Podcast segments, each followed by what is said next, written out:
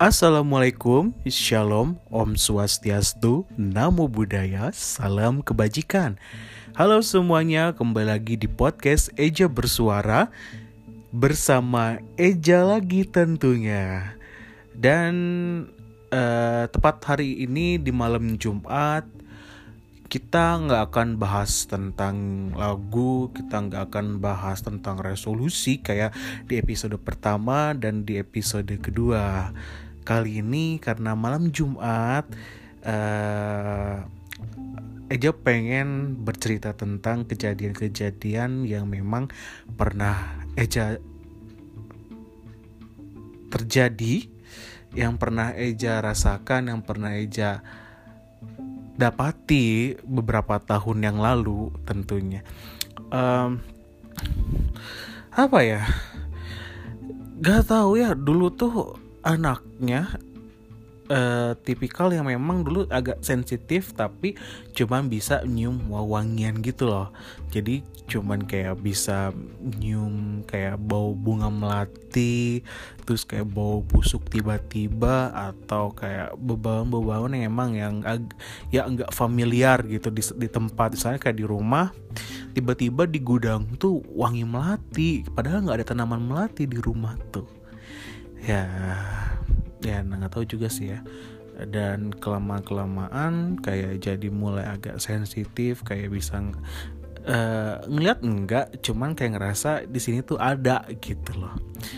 Dan lambat laun setelah orang tua Eja meninggal jadi kayak kerasa beberapa yang memang uh, punya poin kuat. Kayak tiba-tiba ngeliat kayak sekelebat bayangan, ngedenger suara, bahkan sampai yang hampir kesurupan. Itu pernah pernah mungkin dia akan diceritakan mungkin nggak tahu di part pertama ini atau di part kedua di malam Jumat berikutnya atau di malam Jumat yang lainnya gitu. Cuman yang Eja bingungkan adalah kenapa orang tua Eja itu mewariskan hal-hal seperti ini gitu. Ini yang impresif yang emang unpopular banget gitu. Ya pengennya sih kalau di diwarisi oleh keluarga tuh kayak bakat atau diwarisi harta gitu ya Allah. Astagfirullahalazim kita udah bahas-bahas harta ya. Jangan kayak gitu nggak baik. Oke. Kita mulai aja ya. Jadi di cerita pertama kali ini kejadiannya terjadi di tahun 2010 waktu itu uh, aku ikut bimbel di salah satu bimbel di dekat rumah. Jadi tempat bimbel ini dan rumah tuh jaraknya satu setengah kilometer jadi masih bisa ditempuh dengan jalan kaki waktu itu kebagian jadwal bimbel tuh di hari Selasa, Kamis, dan Sabtu. Dan mulai bimbel itu jam 4 sore sampai jam 6 dulu tuh kalau pulang bimbel kalau lagi malas jalan pasti naik angkot. Tapi eh, lebih seringnya jalan kaki. Karena lebih hemat aja gitu. Jadi pulang bimbel tuh bisa jajan dulu nah nggak tahu kenapa waktu itu pas mau pulang bimbel tuh eh ya pulang dari bimbel mau ke rumah tuh uh, mau jalan kaki gitu. Cuman kalau bisa jalan kaki pun biasanya jalan yang emang rame banyak orang gitu kan atau yang banyak um, masjid atau yang lagi ada banyak eh, orang-orang yang baru pulang dari masjid atau gimana gitu ya. Dan waktu itu ah, nggak tahu kenapa pulang lewat jalan yang sepi. Ya, dulu kan rumah tuh tinggal di daerah Cijerah dan di Cijerah tuh ada satu daerah yang emang agak serem kalau maghrib-maghrib. Ya mungkin tahulah ya yang punya lapangan gede di dekat Parmindo itu apa namanya. Dan dulu waktu pulang bimbel tuh lewat situ. Ya, jalan sendiri dulu tuh kan nama bocah jalan sendiri jalan kaki cuk cuk cuk kayak gitulah ya. Dan waktu itu maghrib gelap si jalan jalanan itu gelap banget. Dan di lapangan itu tuh ada pohon nangka itu gede banget pohon nangkanya. Jujur itu gede banget pohon nangkanya. Dan sampai sekarang kalau mau di laut itu pun kayaknya agak-agak takut gitu kalau maghrib maghrib tapi kalau pagi siang ya nggak apa-apa lah gitu.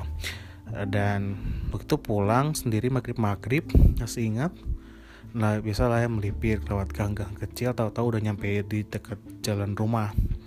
Dan pas udah nyampe rumah ngeliat tuh ada mama gitu ya. Mama keluar pakai baju daster gitu ya. Biasa kan mama kalau di rumah kayak daster. Pakai baju daster aku kayak mama tuh keluar dari rumah kan. Rumah tuh uh, punya dua pintu. Jadi kadang kalau misalnya ada tamu masuknya di pintu pintu tamu. Cuma kalau lagi eh, nggak uh, ada tamu gitu biasa-biasa aja pasti lewat pintu garasi. Dan mama tuh lewat pintu garasi keluar. Lagi di luar tuh nggak tahu kayak mau keluar kayak akhirnya eh, mama mau ke mana sih? Gitu kan maghrib maghrib gini gitu biasanya jarang banget keluar maghrib maghrib paling nunggu aku gitu. Kalau misalnya disuruh ke belanja atau disuruh beli bakso kalau tiap maghrib tuh pas nyampe maghrib eh nyampe maghrib nyampe rumah eh uh, ya salam kan ya assalamualaikum mah gitu kan cium tangan. Tapi anehnya tangannya mamaku tuh dingin banget. Dingin banget guys. Asli. Dingin terus nyokap tuh nggak ngejawab apa pun terus tanya mah mau ke mana? gitu. Mau ke warung? gitu. Nyokap tuh cuman kayak angguk-angguk kepala aja. Dan oh ya udah gitu.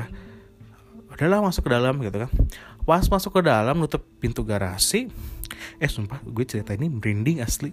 Aduh astagfirullahaladzim ya Allah jauhkanlah. Iya pas sampai masuk ke rumah Nah jadi uh, inilah kita gambarkan jadi garasi itu udah masuk ke area eh, pintu garasi pokoknya sebelah itu udah masuk ke area ruang keluarga. Dan di situ ngeliat ada bapak sama mama lagi nonton TV lah eh, tadi siapa gitu di luar gitu kan? Eh, namanya kaget banget kan? Ih siapa ya di luar gitu kan? Ih siapa tuh gitu? Eh sumpah masih ih merinding asli ya gitu kan terus kayak terus ya udah ngucapin salam kan assalamualaikum gitu kan. Eh cina berpulang kata bapakku kan. E, ya baru gitu kan kayak ngejawab juga kayak masih mikir-mikir ragu-ragu gitu. Terus cium tangan nah pas cium tangan tangan mama anget ya kayak oh normal nih gitu. Eh tadi siapa? gitu kan. Terus tadi mau kayak mau ngomong tapi kayak kagok gitulah. Kayak yang canggung ya ke kamar terus ganti baju ke kamar mandi bebersih. Nah pas bebersih itu uh, biasalah ya kalau anak kalau orang lagi mandi itu di kamar mandi pasti karaoke dulu yang jelas. Nah itu kan di kamar mandi tuh kayak ada kaca vent kaca lagi ada kaca ventilasi. Nah di kaca ventilasi itu kan kadang eh, belakang itu kayak ada gang gitu kayak gang buat uh, selokan. Dari itu tiba-tiba aku ngedenger ada yang ketuk-ketuk kaca ke kamar uh, kaca ventilasi itu. Ah siapa sih yang iseng gitu kan didiemin gitu. Terus makin keras aja nyanyinya tek tek tek gitu. Apa sih gitu kan nyawatnya gitu ya. Terus nah bodo ah bodo aja gitu kan mandi kejebar kejebur kejebur kejebur. Setelah itu uh, dengan ketok ketok pintu tok tok tok siapa gitu kan nggak ngejawab gitu. Ya, biasanya yang jahil kayak gitu kan adik aku atau uh, sepupu aku yang biasanya kan rumahnya di belakang tuh jadi bisa lewat gang kecil gitu. Eh, mungkin ya sepupuku kali ya yang jahil kayak gitu gitu. Cuman lama kelamaan itu kayak ngedenger suara ketawa. Suara ketawa cewek. Iya sumpah ini siapa sih yang iseng gitu? Dipikir kayak uh, ringtone kali gitu. Kan dulu waktu zaman 2010 tuh kan kayak sering banget ya nggak ada ringtone ringtone aneh-aneh gitu kan. Ah, siapa sih yang iseng gitu kan? Udahlah jangan nakut nakutin gitu. Udah tau mah penakut ditakut takutin nah setelah itu kayak terus makin lama uh, jadi awalnya tuh kencang sih suaranya. Lama makin lama makin jauh gitu. Terus kayak berpikir eh kalau misalnya kalau suara ketawa cewek kalau semakin jauh tandanya semakin deket gitu. Eh gue kayak mikir-mikir gitu. Ah iseng kali gitu kan. Ya masih positif thinking lah lagi mandi juga gitu. Pas udah mandi itu pun udah pakai itu ngelihat di depan pintu kamar mandi tuh kayak ada orang lagi jongkok gitu nutupin cewek pas itu ih sumpah merinding kok gue gini ya pas buka merinding ya. Pas buka itu pas dilihat ya Allah pas itu lama-lama dia berdiri pas berdiri ya Allah itu mukanya hancur banget. Ya terus ketawa-ketawa gitu terus ya ya nggak tahu sih itu pokoknya kayak nggak bisa gerak nggak bisa nggak bisa ngapa-ngapain kayak tiba-tiba mata kayak blok aja gitu jatuh. Tahu dari kamar udah pakai baju segala macam terus uh, ada papa ada mama ada adikku juga situ. Terus nanya kenapa di kamar mandi? Loh tadi siapa yang isengin sih? Gitu kan gak lucu. Maksudnya kayak uh, ngisengin kayak gitu. Siapa yang ngisengin kayak gitu enggak itu soalnya kayak ada kuntilanak di situ. Ah mungkin salah lihat kali. Iya demi Allah gitu kan. Aku kayak udah demi Allah udah kayak ya benar-benar kayak as meyakini gitu kayak itu memang beneran. Pas itu ya akhirnya uh, dipanggil lah ustadz yang biasa ngaji ke rumah. Kayak dibacain doa-doa dulu kan terus disuruh minum terus dibersihin. Terus bilang si orang pintar ini si ustadz ini kan ini anak ada yang ngikutin katanya. Terus nanya tadi pulang lewat jalan mana? Ya aku bilang lewat jalan Hegar. Soalnya biar cepat terus uh, biar enak juga jalannya kan sepi adem. Oh pantes katanya di situ katanya. Ya aku ini lagi kosong aja kali pikirannya makanya diikutin sama si ini tuh. Tapi udah aman kok udah nggak ini lagi ya setelah itu kayak beberapa minggu kayaknya nggak lewat situ. Kalau tiap pulang les atau berangkat sekolah kayak jadi trauma tersendiri. Jadi ya mau nggak mau ya kadang lewat pintu uh, lewat jalan depan komplek atau minta diantar orang tua kalau mau berangkat ke tempat les. Dan setelah lama-lama juga ya akhirnya kayak memberanikan diri dan jadi terbiasa aja kayak tapi kalau memang udah lewat maghrib nggak akan lewat situ. Kecuali kalau rame-rame kalau rame-rame ya berani gitu. Jadi ya seperti itulah kejadian di 11 tahun yang lalu. Sampai sekarang tuh kalau masih diingat-ingat tuh sumpah ya agak merinding-merinding spooky gitu. Beneran asli Astagfirullahaladzim Jadi ya buat kalian Kalau lagi ada di tempat yang emang sepi Jangan sampai pikiran tuh kosong Jangan bengong Atau kayak Ya kayak hampa gitu. Coba deh kalian kalau lagi itu baca-baca doa-doa takutnya ya kalian ada yang ikutin atau gimana. Terus cerita kedua ini terjadi waktu aku nginap di rumah nenek. Kejadiannya tuh 2012 2012 kayaknya. 2001 2012 deh. 2012 deh 2012 waktu itu kan aku nganterin adikku uh, liburan deh kayaknya. 2012 2011 saya lupa. 2011 eh Iya deh 2011 waktu itu nganterin uh, adikku liburan ke Purwakarta. Jadi adikku tuh ting nginepnya tuh di rumah kakaknya mama. Aku tidurnya di rumah nenek aku. Kebetulan kan di kampung. Nah, aku emang agak takut juga gitu tinggal di rumah nenek. Soalnya sepi banget, nggak ada TV. Terus ya jalannya belakang rumah tuh kayak kebun gitu, kayak hutan dan pas itu tuh malam Jumat juga. Dan ya misalnya kalau anak gadis dulu ya kalau nggak punya kehidupan nggak punya uh, teman gitu di kampung kayaknya di kamar aja gitu nggak ke mana-mana.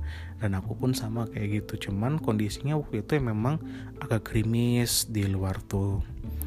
Uh, aku di kamar aja lah kayak main Facebook atau SMS teman atau dengerin lagu. Dan waktu itu aku masih ingat aku tidur jam 10 jam 10 malam tuh aku udah tidur. Dan tiba-tiba listrik tuh mati jam setengah 12 jam setengah 12 tuh kayak lama gitu. Nah si gorden itu dia tembus gitu. Jadi enggak benar-benar yang si kainnya tuh yang si serat-seratnya tuh enggak nutup banget. Jadi kayak kita tuh bisa ngeliat keluar gitu dan kelihatan banget kayak si cahaya bulan tuh kelihatan banget lah nyinirnya nah tiba-tiba ngedenger dong ada uh, anjing ngegonggong kuk kuk kuk kayak gitu kaget dong ya. Ada anjing gonggong pas depan rumah nenekku kuk terus si jendela tuh kayak kelihatan gitu kan eh, si luar tuh. Akhirnya terus nggak lama itu aku kayak nggak dengar suara anak ayam kayak cak cak cak cak. Nah sebelah rumah sebelah kamar tuh ada kandang ayam gitu. Cak cak cak cak cak. Nah pas itu pas itu nggak lama kayak ngeliat ada yang lewat ada yang lewat seriusan. Astagfirullahaladzim Terus aku tuh kayak bener-bener Baca doa Kayak ngerasa Ih sumpah tuh kayak bener-bener Keringat dingin Kayak takut banget Kayak mau pindah ke kamar nenek juga nggak bisa. Akhirnya tidur satu posisi terus nutupin kayak baca baca baca doa gitu di selama mau tidur itu gitu takutnya ya ada apa-apa kan. Dan setelah besoknya eh nggak ada jam setengah dua tuh nyala lagi listrik. Terus uh, aku tahu kalau nenekku pasti pasti bangun jam sekitar jam segituan. Biasanya mau tahajud. Ya kedengarlah suara beliau kayak kamar mandi mau wudhu. Dan FYI kamar mandinya itu ada di luar. Jadi lewat ke belakang dulu terus masuk dapur. Dari dapur buka pintu itu udah keluar. Nah kamar mandi di luar jadi kedengeran kan suara orang yang mau ambil wudhu terus kedengar juga suara nenekku juga kayak kalau mau sholat pasti kedengeran kalau lagi ngajinya. Dan besok paginya aku subuh-subuh bangun jam 5 mandi terus berangkat lagi ke Bandung buat ngambil rapot. Dari situ jadi kayak agak trauma juga gitu kalau misalnya mau nginep di rumah nenek lagi. Jadi kayak ah, was-was kayak takut dikerjain gitu takut ada yang kayak gitu lagi. Tapi ya sejak itu kayak enggak gimana gimana sih. Kayak tidur ya nyenyak nyenyak aja nggak ya nggak ada yang alhamdulillahnya nggak ada gangguan gangguan yang gimana gimana. Ya alhamdulillah mati Allah masih melindungi aku. Alhamdulillah sekali. Terus cerita ketiga ini kejadiannya dulu waktu tinggal di Cijerah. Setelah kerja. Jadi waktu itu hari Senin aku masih ingat hari Senin. Waktu hari Senin itu aku ngejemput temanku kuliah di salah satu kampus di Setiabudi Bandung. Dan kebetulan rumahnya juga di Cicerah juga jadi bisa aku lah sampai rumah jadi nyampe rumahnya dia itu jam 10 malam terus aku pulang ke kosan. Nah motor tuh kan kayak kalau udah Eh, nggak uh, dibonceng tuh kayak ringan kan ya kayak nggak ada beban gitu cukup beban hidupku aja yang berat. Dan jadi pas bawa motor tuh kayak pelan kayak ngerasa ringan banget terus nggak lama kok tiba-tiba motor berat pas aku kayak apa sih berat gitu kayak kempes gitu apa gimana? Pas kulihat ke belakang ngelihat cewek pakai das kayak baju putih panjang lusuh tapi nggak ngeliatin mukanya rambutnya panjang banget. Terus kayak aku baca doa astagfirullah astagfirullah ya Allah kenapa ini? Gitu kan. Akhirnya kebetulan kan di kosan tuh udah rumah kosong pohonnya gede banget. Nah tiba-tiba pas lewat itu tuh motor kerasa ringan lagi.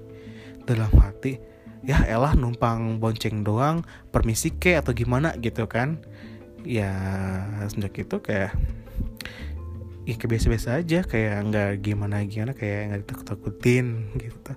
Ya mungkin jadi pelajaran aja buat aku kalau sesuatunya selama perjalanan tuh harus baca doa. Jangan sampai yang namanya bengong atau jangan sampai yang namanya ya takabur takabur gitu. Jangan ya soalnya kalau nggak salah dulu pas ngebonceng temanku tuh agak takabur juga kayak yang kayak gimana sih yang kayak sompral. Ya sebenarnya nggak boleh kan sompral kayak gitu takutnya jadi balik ke kitanya. Dan nanti ya cita pertama kita ambil kesimpulan. Ya ini tiga-tiganya kayak ditampakin perempuan semua. Gak ngerti kenapa sih banyak banget yang kayak gitu Astagfirullahaladzim ya Allah ampun ya hamba. Dan yang pertama tuh jujur sampai sekarang tuh masih keingetan uh, si mukanya suara ketawa gitu kayak masih keinget gitu sampai sekarang. Kalau mau cerita itu bener-bener merinding banget sampai jadi kayak trauma sendiri. Dan emang juga kan rumah tuh uh, angker ya salah satunya itu karena ya banyak yang bilang kalau rumahku ini dulu kalau ditinggal mudik tuh sering banget kedengar suara orang ribut. Kayak suara orang ngobrol dari rumah dalam rumah tuh. Nah dan cerita kedua yang di rumah nenek itu memang aku udah trauma sendiri sih kayak karena kan mama dimakamkannya kan gak jauh dari rumah tuh. Takutnya ya almarhumah ibu kandungku yang datang berziarah eh bersiarah menengokin anaknya lagi di situ atau gimana gitu kan ya. Dan mungkin bukan apa ya namanya bukan menakutin sih cuma mau nengokin aja ngelihat anaknya sehat-sehat enggak atau gimana gitu. Yang ketiga yang pas ini yang ini mungkin itu sempat sopral juga kan salahnya di situ. Jadi kayak pelajaran buat aku sih untuk nggak sompral sompral karena memang adanya seperti itu. Gitu. Jadi pelajaran yang kamu harus dapati dari tiga cerita ini adalah yang pertama uh, jangan pernah memiliki pikiran yang kosong selama kalian men, apa berada di tempat yang memang nggak biasa kalian lewati tentunya. Dan memang yang kelihatan agak serem. Jadi nggak boleh yang namanya uh, pikiran tuh kosong tuh nggak boleh. Karena biasanya yang bakal diikutin tuh kayak gitu sih kayaknya gitu.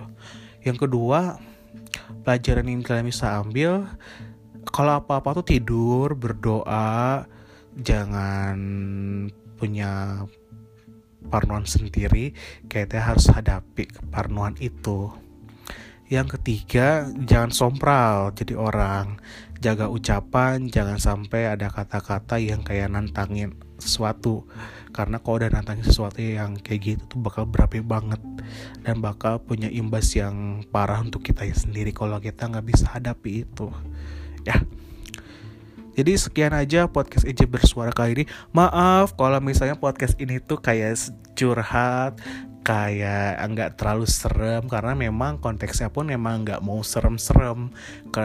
Takutnya gitu kan ya ada yang dengerin podcast ini tuh kayak iya aku takut aku pengen ditemenin boleh enggak gitu kan. Sampai saya kalau punya pacar gitu kan kalau misalnya yang jomblo memblok apa gitu atau memberanikan diri enggak gitu kalau dengerin kayak gitu kecuali kalau dia emang pemberani.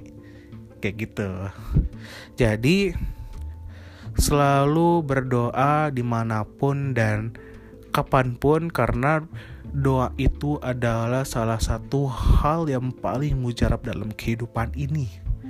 Dan doa itu akan selalu menyertai kita di mana pun dan kapan pun. Selama kita mempunyai Tuhan selama kita selalu dalam lindungan Tuhan jangan pernah takut kita harus benar-benar stay positif dan terus uh, dijauhkan dari hal-hal yang seperti itu. Ya, segitu aja di podcast Eja Bersuara kali ini. Semoga terhibur, sehat selalu untuk semuanya. Sampai jumpa di episode keempat. Boleh nanti kalau mau ada yang dikritik eh, mau dikritisi atau yang mau diberi saran atau di komentar atau mau suruh Eja ngapain boleh kok uh, eh, DM aja di Twitter di @potterja p o t t e r dot j a Oke, okay. see you, bye bye.